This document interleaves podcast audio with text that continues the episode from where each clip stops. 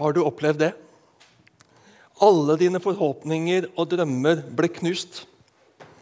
Alt du bygde på, slo feil. Du satset alt på ett kort, og alt falt sammen. Totalt. I årevis har du jobbet og slitt for dette, og det så så bra ut så lenge, men så snudde det alt sammen. Det ble totalt nederlag og fiasko. Du er desillusjonert og skuffet, fortvilet og redd. Hva nå? Hva slags situasjon har jeg egentlig satt meg i nå? Hva skal jeg leve på nå? Hva skal jeg leve for nå? Jeg tror disiplene må ha følt det omtrent sånn. De har fulgt Jesus i tre år. De har vært tett på hele veien. De har fulgt ham så å si dag og natt. Knapt hatt noe liv utenom. Og det har vært helt fantastisk. Ikke at det har vært uten risiko, men Jesus demonstrerte makt og myndighet.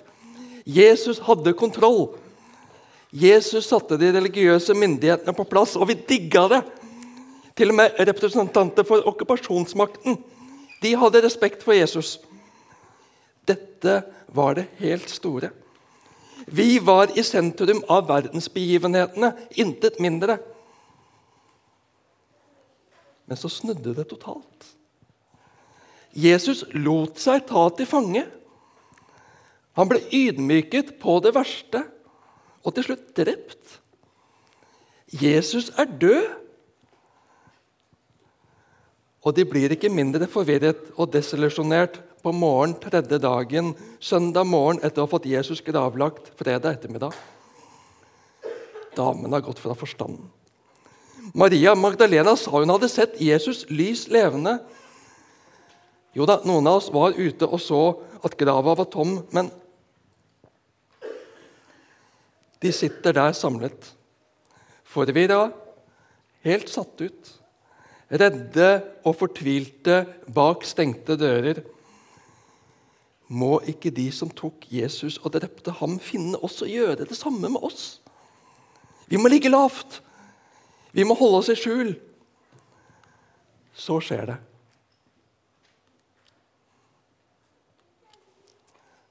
Skal vi se om jeg får forbindelse med powerpointen her. Det var om kvelden samme dag den første dag i uka. Av frykt for jødene hadde disiplene stengt dørene der de var samlet. Da kom Jesus. Han sto midt iblant dem og sa, 'Fred være med dere.' Og da han hadde sagt det, viste han dem sine hender og sin side. Disiplene ble glade da de så det. Igjen sa han til dem, 'Fred være med dere.' Liksom Faderen har sendt meg, sender jeg dere. Så åndet han på dem og sa, Ta imot Den hellige ånd. Dersom dere tilgir noen deres synder, da er de tilgitt. Dersom dere fastholder dem for noen, da er de fastholdt.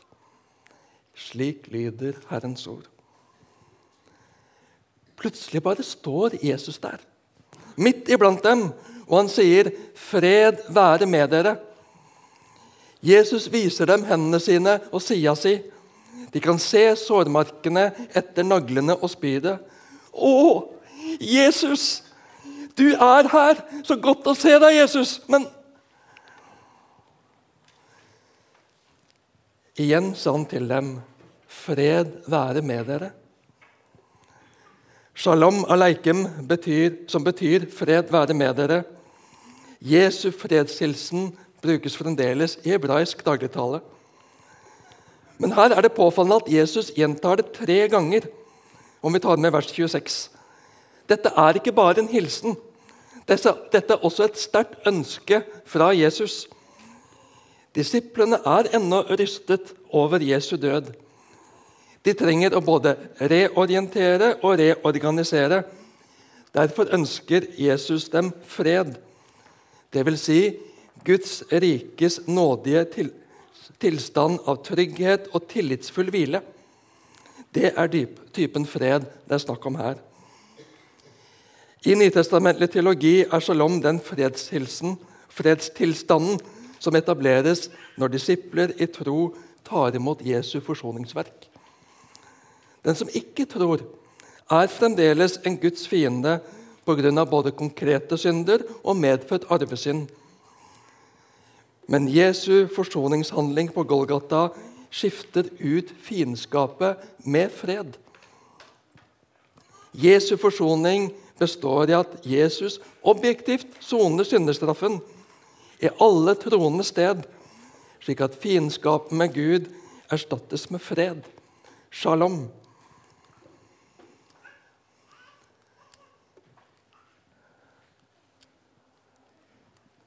Jeg tror du må hjelpe meg, Daniel.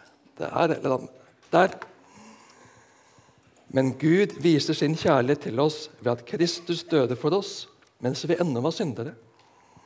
Når vi nå er blitt rettferdige ved Kristi blod, hvor mye mer skal vi ikke da gjennom ham bli frelst fra vreden? For mens vi ennå var Guds fiender, ble vi forsonet med ham ved Hans Sønns død. Når vi nå er forsonet, hvor mye mer skal vi ikke da bli frelst ved Hans liv? Ja, ikke bare det. Vi har også vår stolthet i Gud ved vår Herre Jesus Kristus, Han som har gitt oss forsoningen. Jesus kom med fred. Den hellige ånd kommer med fred. Vi kan tenke at der Den hellige ånd er, der er det liv og røre, det er action og spektakulære ting som skjer. Og det kan også skje. Men først og fremst kommer Den hellige ånd med fred. For er det noe vi trenger, så er det fred. Fred i verden, absolutt. Men det blir ikke varig fred rundt meg om det ikke er fred inni meg. Problemet mitt er at jeg er rastløs, stadig på jakt, stadig på søken etter noe som stimulerer, noe som fyller et tomrom i meg, noe som gir meg godfølelsen. For jeg har ikke den i meg selv. Jeg mangler noe. Det er noe som ikke helt stemmer. Stans. Vær stille. Ta imot Guds pust mot deg. Ta imot Hans liv, Hans ånd, Hans fred. Det er ikke meningen at du skal skape det selv, finne det selv, oppnå det selv.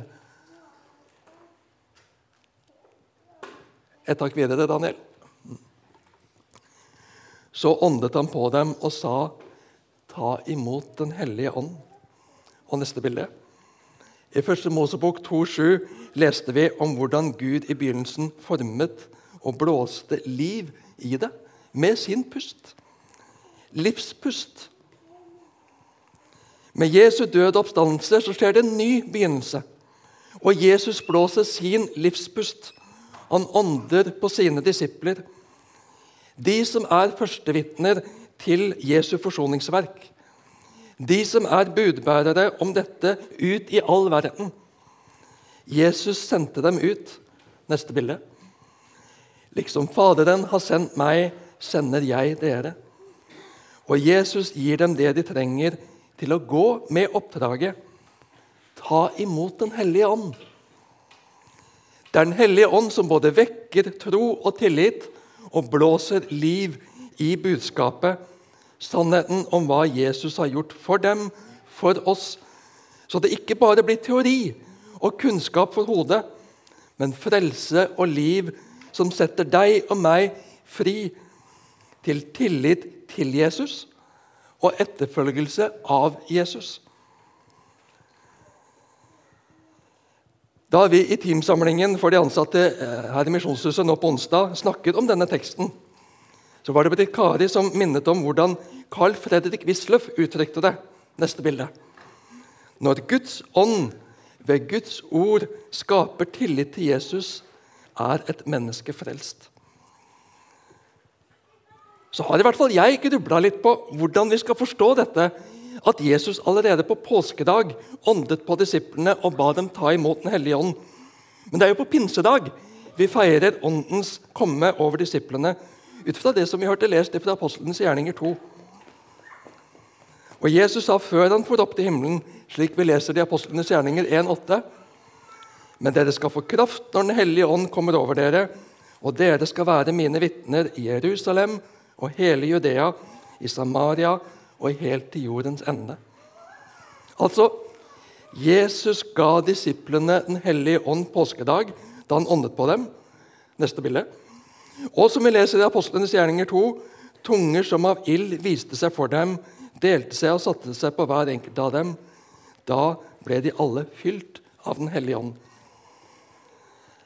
Jeg sa sist søndag at vi kan ikke ha bare litt av Den hellige ånd. Den hellige ånd er en person. Enten så har vi Den hellige ånd, eller så har vi ikke Den hellige ånd. Vi kan ikke ha en halv person eller tre kvart person. Det går ikke. Men disiplene hadde ventet slik Jesus sa, og de var åpne for det han ville gi dem. Og på pinsedag så ble de fylt av Den hellige ånd på en måte som vekket og styrket dem og de som var rundt. På en måte som ble til glede, det ble til tro, og det ble til frelse. Ja, 3000 mennesker ble lagt i flokken av Jesus-troende pinsedag. Derfor kaller vi det, som Inga innleda med, pinse for kirkas fødselsdag. Jesus, eller Så lærer vi at vi kan ikke ta oss til tro på Jesus av oss selv. Som Wisløff uttrykte det når Guds ånd ved Guds ord skaper tillit til Jesus, er et menneske frelst. Og da blir bønnen i meg Hellig ånd, vis meg Jesus. Hellig ånd, rens bort alt i meg som hindrer deg i å fylle og virke i meg og gjennom meg. Må pinseunderet slå ned i vår midte, så Ånden viser mer av hva vi er og har i Jesus. Må Åndens vekkelse slå ned mellom oss og ut fra misjonshuset. Må Ånden få virke det Han vil i oss og mellom oss. Det er min bønn. Dagens prekentekst avslutter slik. Neste bilde. Dersom dere tilgir noen deres synder, da er de tilgitt. Dersom dere fastholder dem for noen, da er de fastholdt. Neste bilde. Referanseapparatet i Bibelen det hjelper oss og peker på Matteus 16, om Peters bekjennelse av Jesus som Guds sønn og Jesu respons på denne bekjennelsen. Peter, du, du er Peter, og på denne klippen vil jeg bygge min kirke. Og Matteus 18 om kirketukt, hvor poenget er at den skal vise til rette den som synder. Det handler om å lede mennesker neste bilde, lede mennesker til omvendelse, til frelse, til liv i Jesus. Det handler ikke om å ta noen, men det handler om å berge noen. Avskaffer vi synden? Sier vi at synden ikke er synd? Det er ikke så farlig. Bare gjør så godt du kan. Da blir Jesu forsoningsdød meningsløs. Da var det tåpelig av Jesus å gå i døden for oss. Beklager, det var en misforståelse, Jesus. Du trengte egentlig ikke å dø. Tar vi ikke synden på alvor, så tar vi ikke Gud på alvor. Tar vi ikke rettferdigheten på alvor, og heller ikke det gode på alvor. Synd er alt som er uforenlig med Guds vesen. Synd er alt ondt og urettferdig alt som bryter med Guds hellighet og renhet, alt som bryter ned jorda og livet her. Fra det paradis det var skapt til å være, til det vi ser rundt oss i verden i dag. Problemet vårt er at vi ser ikke syndens alvor, hvor unaturlig den er, fordi vi står i knes til den, i den. Den preger hjertet vårt, den preger tankene våre, sinnet vårt. Vi kan ikke skikkelig forestille oss et liv uten synd, et liv i fullkommen godhet. Ja, Noen ideologer snakker om at det må være balanse mellom godt og ondt. Yin og yang. Nei, Guds rike er bare godt. Vi er ikke i stand til å komme dit. Men Jesus senket ikke standarden. Han oppfylte standarden. Og han ga sine disipler da og oss som hans disipler i dag oppdrag å gjøre dette kjent. Ja, Jesus ga sine disipler til alle tider makt til å løse mennesker fra synden som har bundet dem til i dag. I Jesu navn så får vi tilsi de som kommer til Jesus med sin synd, syndenes tilgivelse. I Jesu frelsesverk så er de tilgitt, renset ren og fullkomne inn for Gud. Dersom dere tilgir noen deres synder, da er de tilgitt. Dersom dere fastholder dem for noen, da er de fastholdt. Vi har verdens beste budskap å gå med. Ta imot Jesus som din herre og frelser. Han har båret all din skyld på seg. I ham får du tilgivelse, renselse, ny start, et helt nytt liv. Så innebærer det også den logiske konsekvens at om en ikke tar imot Jesus, om en ikke vil ta imot Jesu frelse, Jesu oppgjør for synden, så blir en stående med synden selv. Neste bilde. Med stor makt følger stort ansvar, sa onkelen til Peter Parker da Peter begynte å oppdage sine Spiderman-egenskaper. Som kristne så har vi stor makt, for vi har et radikalt, livsforvandlende budskap å dele. Eller holde tilbake fra folk. Hva gjør vi? Neste bilde. Jesu disipler de kunne dyrket hat og bitterhet overfor det religiøse etablissementet som med uredelige midler fanget, torturerte og drepte Jesus. Og som siden forfulgte dem selv. Dere korsfestet Jesus. De kunne holdt budskapet blant de som var like dem selv. Som de likte, og som var i deres familie og deres vennekrets. Men disiplene var lydige og delte evangeliet med alle mennesker. Til og med de religiøse lederne. Til og med okkupasjonsmyndighetene. Til og med samaritanerne og hedningene som de var lært opp til å forakte og betrakte som urene. Vi ser i dag i verden hvordan tilgivelse skaper undring, ja, men også forsoning, fred, gode relasjoner, håp. Det var sterkt da den kristne enka i Egypt på offentlig TV sa at hun tilgir den radikale muslimen som drepte mannen hennes. Det vekket undring i samfunnet rundt. Det tar brodden av konflikten og har en enorm tiltrekningskraft. Tilgivelsens folk. Er det noen vi holder budskapet om tilgivelse borte fra, så de bindes i sin synd? For de får ikke høre om frelsen i Jesus Kristus. De som aldri har hørt om Jesus, holder vi budskapet om tilgivelse fra synd borte fra ved å holde det for oss selv. Gjør vi det? Siste bilde. Fred være med dere. Liksom Faderen har sendt meg, sender jeg dere. Gå. Del Gjør tilgivelsen kjent. La nåden bli synlig og kjent rundt dere. Jesus kommer ikke med fordømmelse. Han kommer med fred, med nåde, med tilgivelse. Du kan bli renset, ren, oppreist til det liv du ble skapt til i Jesus Kristus. Dette gikk for alvor opp for dem på pinsedag. Det ble livsforvandlende.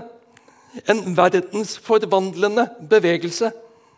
Tilgivelsens folk. Fred være med dere.